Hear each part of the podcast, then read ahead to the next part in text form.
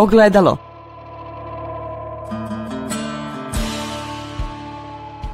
Podcast Autonomije.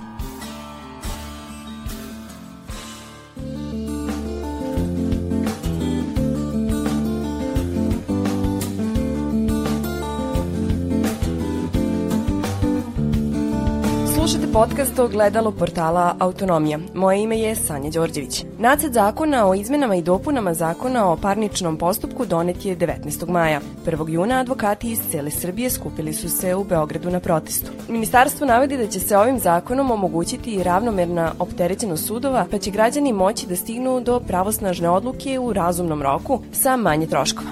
Gost ogledala, advokat Veljko Milić, reći će nam zašto se onda advokati bune. Dobar dan. Zapravo u Beogradu se tog dana nisu okupili advokati iz cijele Srbije. Advokati su organizovani advokatske komore. Te advokatske komore su podeljene uglavnom regionalno po različitim gradovima koji su sedište različitih regiona i u advokatsku komoru Srbije, čiji su član sve regionalne advokatske komore. I e, advokati okupljeni u advokatske komore su odlučili za jedan drugi pristup, dakle ne proteste, nego da uđu u pregovore sa Ministarstvom pravde.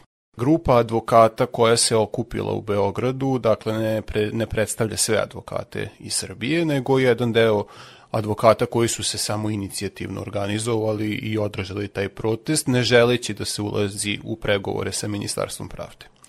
Advokatura je predstavljena advokatskom komorom organizovala pregovore sa Ministarstvom pravde i u tim pregovorima je došla do jednog sporazuma koji otklanja u samom startu one najlošije odredbe zakona o parničnom postupku, a takođe je postignut dogovor i da se uđe u radnu grupu sa Ministarstvom pravde, gde će se raditi i na izmenama praktično tog predloga zakona o parničnom postupku, kako bi se on e, na kraju završio tako da bude prihvatljiv za sve strane. A zašto je onda deo advokata odlučio da ipak protestuje? Deo advokata je odlučio da protestuje zbog toga, naravno, različiti su interesi zapravo, Međutim, pored toga što, se, što je povod tog protesta zapravo zakon o parničnom postupku koji zaista sadrži u ovom trenutku neke odredbe koje su neprihvatljive.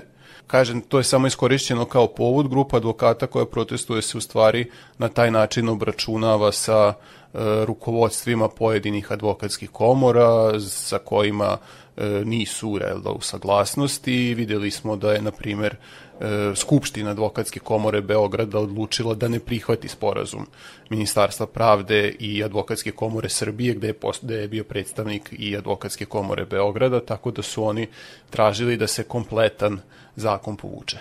A advokatske komori, dakle, odlučile su da ne protestuju. Advokatske komore su zvanično odlučili da ne protestuju.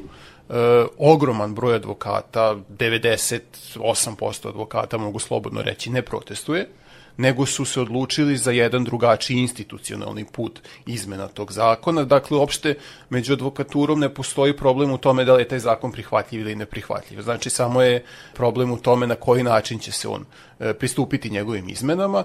Advokatska komora Srbije rešila da to uradi institucionalno, Ministarstvo pravde je to prihvatilo donet je, kažem, jedan sporazum koji, kojim se briše već u samom startu ta najspornija odredba o kojoj ćemo verovatno imati kasnije prilike i da pričamo o tome da se jednostavno podnesak neće priznavati ukoliko u određenom roku nije plaćena taksa na taj podnesak. To je već s tim sporazumom postignuto.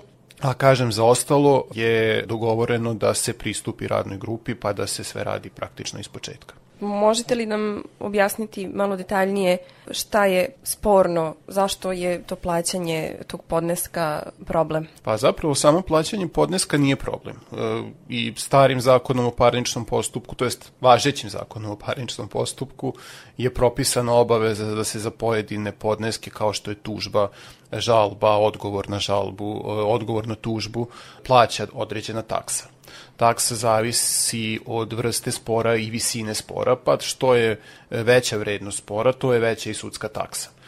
Ta taksa se praktično plaća sudovima i ta obaveza je postojala i, i postoji danas. Međutim, novim zakonom, predlogom novog zakona je predviđeno da ukoliko stranka u određenom roku ne plati podnesak, smatraće se kao da ga nini podnela Šta bi to praktično značilo? Da ukoliko je stranka u lošoj finansijskoj situaciji za rok, u roku od 8 dana ne plati taksu na odgovor na tužbu, smatraće se da je Nini podnela odgovor na tužbu. I onda zbog toga brojne nepovoljne okolnosti nastupaju u parničnom postupku za tu stranku samo zbog toga što u roku nije imala, nije imala dovoljno novca da plati praktično tu sudsku taksu. Naravno, država je i do sada, a i nadalje imala, imaće mogućnosti da naplati te sudske takse, bilo putem izvršnog postupka, ne bilo tako što će poslati opomenu, pa će se u naknadnom nekom roku platiti ta sudska taksa. Zapravo sporno je to što se slanje podneska uslovljava plaćanjem te sudske takse. A da li onda to način na koji je država zapravo pokušala da rastereti sudstvo tako što će onemogućiti procentu ljudi da ostvari svoje pravo na, na pravo. Pa tako je zapravo država već duži niz godina e, nastoji da ubrza sudske postupke. Kod nas se neki sudski postupci koji se vode po hitnom postupku zapravo trebalo bi da budu brzo rešeni, pa se vode po 3-4 godine. Na primer, sporovi koji se vode protiv medija po zakonu javnom informisanju i medijima su hitni postupci, ali se bez, bez obzira na to vode 4 i 5 godina. Dakle, država se na sve načine e, trudi da ubrza te sudske postupke, međutim, način za ubrzanje sudskih postupaka nije to da odvratite građane da štite svoje prava, nego postoje drugi načini kao što je na primjer zaposliti veći broj sudija, izvršiti odgovarajuće edukacije sudija kako se ne bi izvodili dokazni predlozi koje stranke predla, predlažu uglavnom u cilju odugovlačenja postupka, sudije to treba da znaju da prepoznaju jer su one te koje na kraju donose presudu i da takve dokazne predloge odbiju i na taj način bi se onda i ubrzao postupak, ali definitivno uh, ovaj način koji bi zapravo odvratio građane od zaštite svojih prava, jer tužbe se ne podnose zbog toga da bi se neko tužio, nego zbog toga što građani smatraju da su im određena prava ugrožena, da im neko, da im neko ugrožava prava, pa zbog toga podnose tužbu. A kada bi ovaj e, nacrt zakona, kada bi on došao neizmenjen kao zakon, kako bi to uticalo na građane?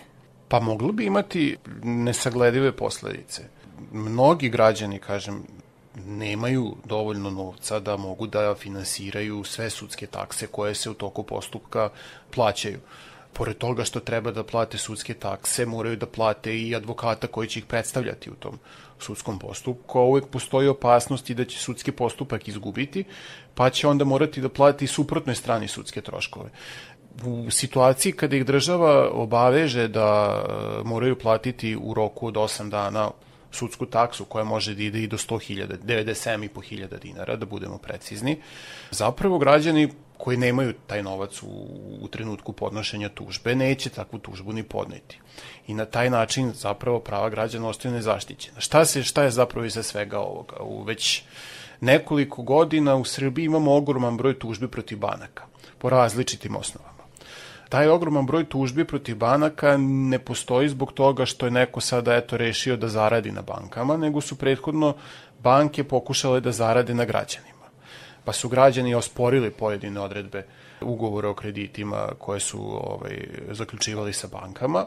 Sudovi su utvrdili da su te odredbe ugovora o kreditima nezakonite I sada svi građani koji su dizali kredita, takvih je mnogo, žele da novac kojim je banka neosnovano naplatila vrate nazad. I zbog toga se vode sudski postupci. Postoje niz presuda, e, utvrđena sudska praksa praktično u Republici Srbiji, da su pojedine odredbe ugovora o kreditima ovaj, nezakonite banke, ukoliko bi prihvatale takvu sudsku praksu, a nema razloga da ih ne prihvataju, da ne prihvataju, bi smanjile jednostavno broj sudskih postupaka tako što bi ljudima plat, e, isplat, vratile novac koji su neosnovano naplatile i ne bi moralo da, do, da, da se dolazi do sudskih postupaka. I sad onda mi u javnosti čujemo da su zapravo za toliki broj sudskih postupaka krivi advokati koji tako tuže za sve i svašta da bi eto zaradili. Međutim, to nije istina. Zapravo, što se tiče banaka, svega ovog ne bi bilo da banke jednostavno prihvate sudsku praksu, prihvate brojne sudske presude koje su svi sudovi u Srbiji doneli koje je potvrdio Vrhovni kasacioni sud kao najviša sudska instanca i jednostavno počnu ljudima da vraćaju novac koji, je, koji, koji su im neosnovno naplatili. Ovako vi imate sudske postupke koje traju 2, 3, 4 godine, e, za banku koja je ekonomski neuporedivo moćnija od pojedinca, troškovi postupka ne predstavljaju ništa, a postoje građani koji će opet u strahu od plaćanja tih sudskih taksi, plaćanja advokatskih troškova, plaćanja svih drugih troškova kojih očekuju u toku postupka odustati od tužbe. I onda jednostavno bankama se više isplati da očekuju da će neko odustati od tužbe ovaj, i da ih neće tužiti nego da svima isplate i vrate ono što su im neosnovano naplatili. Čak se i pojavilo, viđala sam oglase po, po gradu da a, advokati, pravnici nude besplatnu pravnu pomoć e, građanima koji su oštećeni od strane banaka za naplatu troškova. Troškova obrade kredita, o, da. da. E, zapravo to je klasičan primer nečega što se zove nelojalna konkurencija. Pojavljuju se, nažalost, brojne agencije koje građanima garantuju uspeh u postupku, koje zapravo nemaju ni kontakt sa građanima, dovoljno je da im pošalju elektronskim putem e, dokumentacije, oni podnose tužbe i zapravo te građane zastupaju pojedini advokati. Kažem pojedini advokati, takvih advokata nema puno, to je možda pet ili deset na cijelu Srbiju. To je nelojalna konkurencija sa kojom advokatske komore moraju da se izbore.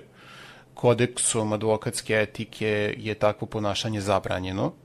Takvo ponašanje dovodi do toga da u disciplinskom postupku koje vodi advokatska komora neko može prestati pravo na obavljanje advokatske profesije Međutim, jako je teško doći do dokaza da, da se tako nešto radi, iako svi znamo da to radi, jer građani najčešće nisu spremni da se eto kao prijave tamo, traže nečiju zapravo pomoći tih agencija, pa da onda vidimo ko je taj advokat, pa da mu potpišu punomoć. Najčešće doći do, najteže je doći do dokaza, a zapravo kada mi advokati sami pokušamo najčešće shvate o čemu se radi, pa onda, ovaj, nam ni, onda ni ne dođemo do tog momenta da upoznamo tog kolegu koji zapravo zastupa tolike građane pred sudovima. Znači, ne možemo da se oslonimo na te plakate i te oglase? E, vrlo je nesigurno, zato što iza svega toga stoje ljudi koje vi zapravo možda nikada nećete ni videti. Kada vas neko zastupa pred sudom, bilo da je u pitanju postupak protiv banke ili bilo koji drugi postupak, e, najvažnije je da imate poverenja u onog ko vas zastupa zapravo u svog advokata, a taj, taj odnos poverenja ne možete steći tako ako nikad niste videli. Tako da kada najčešće vidite neko da ne, nečije imena da vise na banderama, preporuka je da ih izbegavate. Hajde da se vratimo na ovaj nacrt zakona. Pre dve godine, ukoliko se ne veram, donet je zakon o besplatnoj pravnoj pomoći, kojim se omogućava da ljudi koji nemaju dovoljno para, njih je sve više, mogu da imaju pravo na pravo. Da li je možda, da li se država ovim zakonom zapravo precenila da je broj ljudi kojima je potrebna besplatna pomoć prevelika i da ona na taj način pokušava da smanji broj ljudi koji će se osloniti na nju. Građani koji imaju pravo na besplatnu pravnu pomoć zapravo e, neće u tom sudskom postupku plaćati ni te sudske takse koje su sporne i to će biti besplatno. I pre uvođena zakona o besplatnoj pravnoj pomoći postojala je mogućnost da građani koji su u jako lošoj materijalnoj situaciji, recimo nezaposleni su, nemaju nikakve imovine, podnesu dokaze za to, pa ih sud oslobodi plaćanja sudskih taksi. To je postojalo i ranije, postoji i sada, postojaće i kada budu, verovatno, ne znam u koj, kom obliku će biti donete ovaj novi zakon o parničnom postupku, ali, ali pretpostavljam da će ta mogućnost i dalje postojati. Međutim, zakon o besplatnoj pravnoj pomoći, iako je usvojen, krug lica koji mogu imati pravo na besplatnu pravnu pomoć kada se uzmu u obzir svi kriterijumi koje taj zakon, koje taj zakon propisuje e, je zapravo jako mali. E, ne postoji puno građana koji mogu ispuniti uslove za besplatnu pravnu pomoć i najčešće ćete imati situaciju da građani niti ima novca da plati sudske takse i troškove postupka, niti ima pravo na besplatnu pravnu pomoć. I onda kada vi uvedete ovu obavezu da u određenom roku plaćaju sudsku taksu pod pretnjom toga da će im podnesak biti odbačen, odnosno da će se smatrati kao da nije ni podnet, kažem opet, dovodi do toga da je se jednostavno građani neće obraćati sudovima. Na koji način bi ovaj zakon uticao na slab tužbe?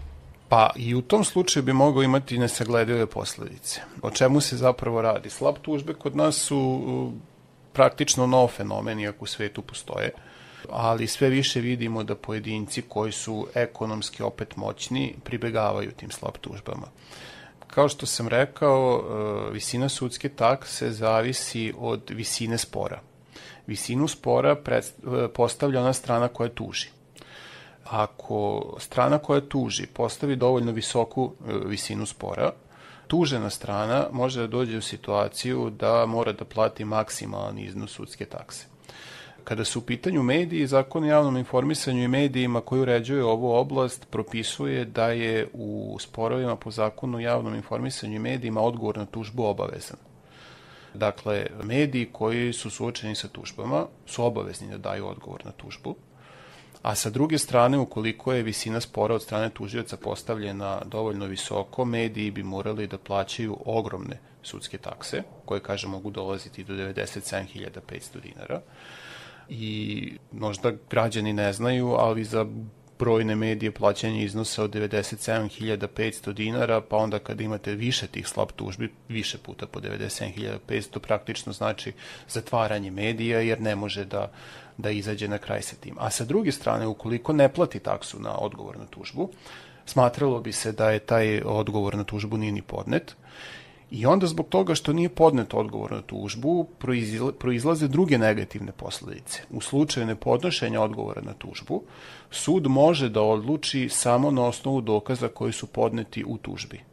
Dakle, vi u tom slučaju nemate pravo na odbranu, u, u tom sudskom postupku, nego će sud doneti presudu najčešće samo na osnovu dokaza koje je podnela tužilačka strana, dakle potpuno jednostrano. A razlog za to je jednostavno što neki mediji nije imao da plati sudske troškove. I onda se na neki način vraćamo na ovaj e, zakon 90. godina kada je isto bilo jako jednostavno ugasiti jedan medij kroz, kroz zakon, kroz tužbe. Da, zapravo tada, tada je čak i postojao neki sudski postupak, ali su zapravo kazne koje su izricane ovaj, u tim postupcima bile toliko velike da su dovodile do ovaj, zatvaranja, zatvaranja medija. I jako je loše zapravo kada vi svaki put nečije pravo da se brani pred sudom uslovljavate plaćanjem nekog novčanog iznosa. Uopšte ni u jednom trenutku nije sporno da se treba platiti sudska taksa ali neplaćanje sudske takse ne može da bude razlog da se neki podnesak ne važi praktično, da se ne priznaje. Ok, postoje druge posledice, može da se pokrene izvršni postupak, pa da se prinudno naplaćuje taj iznos sudske takse, ali to ni u jednom trenutku ne sme da utiče na tog sudskog postupka ne sme da bude uslov za bilo šta u sudskom postupku. Sudiju ne sme da zanima kada donosi odluku da li jedna strana platila troškove e, sudske takse, druga strana nije platila sudske troškove. To nije nešto o čemu se raspravlja. I zbog toga jednostavno ovo je, ovo je iz više razloga neprihvatljivo. A, a e, vidimo da je na, verovatno i Ministarstvo pravde shvatilo koliko je to rešenje loše, pa je vrlo, vrlo brzo nakon tih pregovora sa advokatskim komorama i odustalo od njega. E sad naravno postavlja se pitanje šta će sada biti sa tim, kakva je sudbina tih pregovora, jer je najmnogobrojnija advokatska komora, advokatska komora Beograda na svojoj skupštini odlučila da taj sporazum ne prihvata i da traži povlačenje kompletnog zakona. Tako da ostaje nam da, da pratimo, da vidimo šta će se zapravo tu događati. E, zašto se sudije protive ovom nacrtu? Pa ja koliko sam uspeo da vidim, sudije se zapravo ne protive, sudije su se zapravo protivile sporazumu. Udruženje, ta, tačnije, ajde da budemo određeni, udruženje sudija i tužilaca se protivilo sporazumu koje je advokatska komora postigla sa Ministarstvom pravde, smatrajući da Ministarstvo pravde na taj način previše izlazi u susret advokaturi.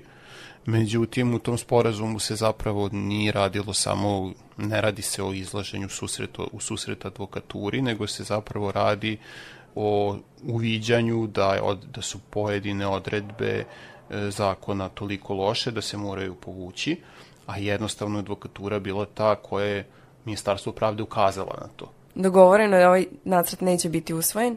Formira se nova radna grupa Tako je. koju će delimično činiti predstavnici advokatskih komora. Koje su garancije da će dogovor biti ispoštovan i šta ako ne bude?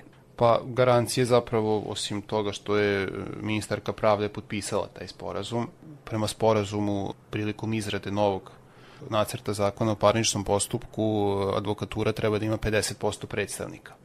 Tako da kada je u radnoj grupi imate 50% predstavnika, ne možete biti preglasani, tako da će odluke verovatno morati da se donose uz saglasnost advokature.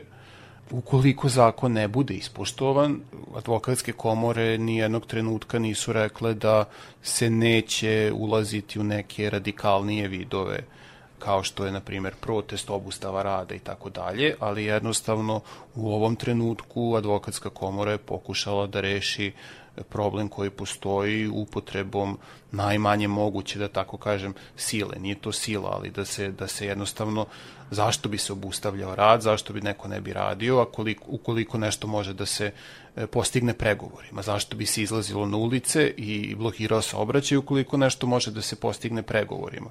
Na kraju krajeva živimo u jednoj zemlji koja teži da postane demokratsko društvo i u demokratskom društvu se problemi e, rešavaju pregovorima između zainteresovanih strana, što je u ovom slučaju učinjeno. S obzirom da se radi o problemu koji zastupaju pravnici, pravnici znaju načina kao i mogu da, reše neki problem bar u državi u kojoj živimo, koja bi trebala da se nazove pravnom. Miliću, hvala vam što ste gostovali u ovoj emisiji. Slušali ste epizodu u kojoj smo govorili o novom nacrtu o parničnom postupku koji neće biti usvojen, a pratimo šta će se dogoditi. Hvala vam što ste nas slušali. Ogledalo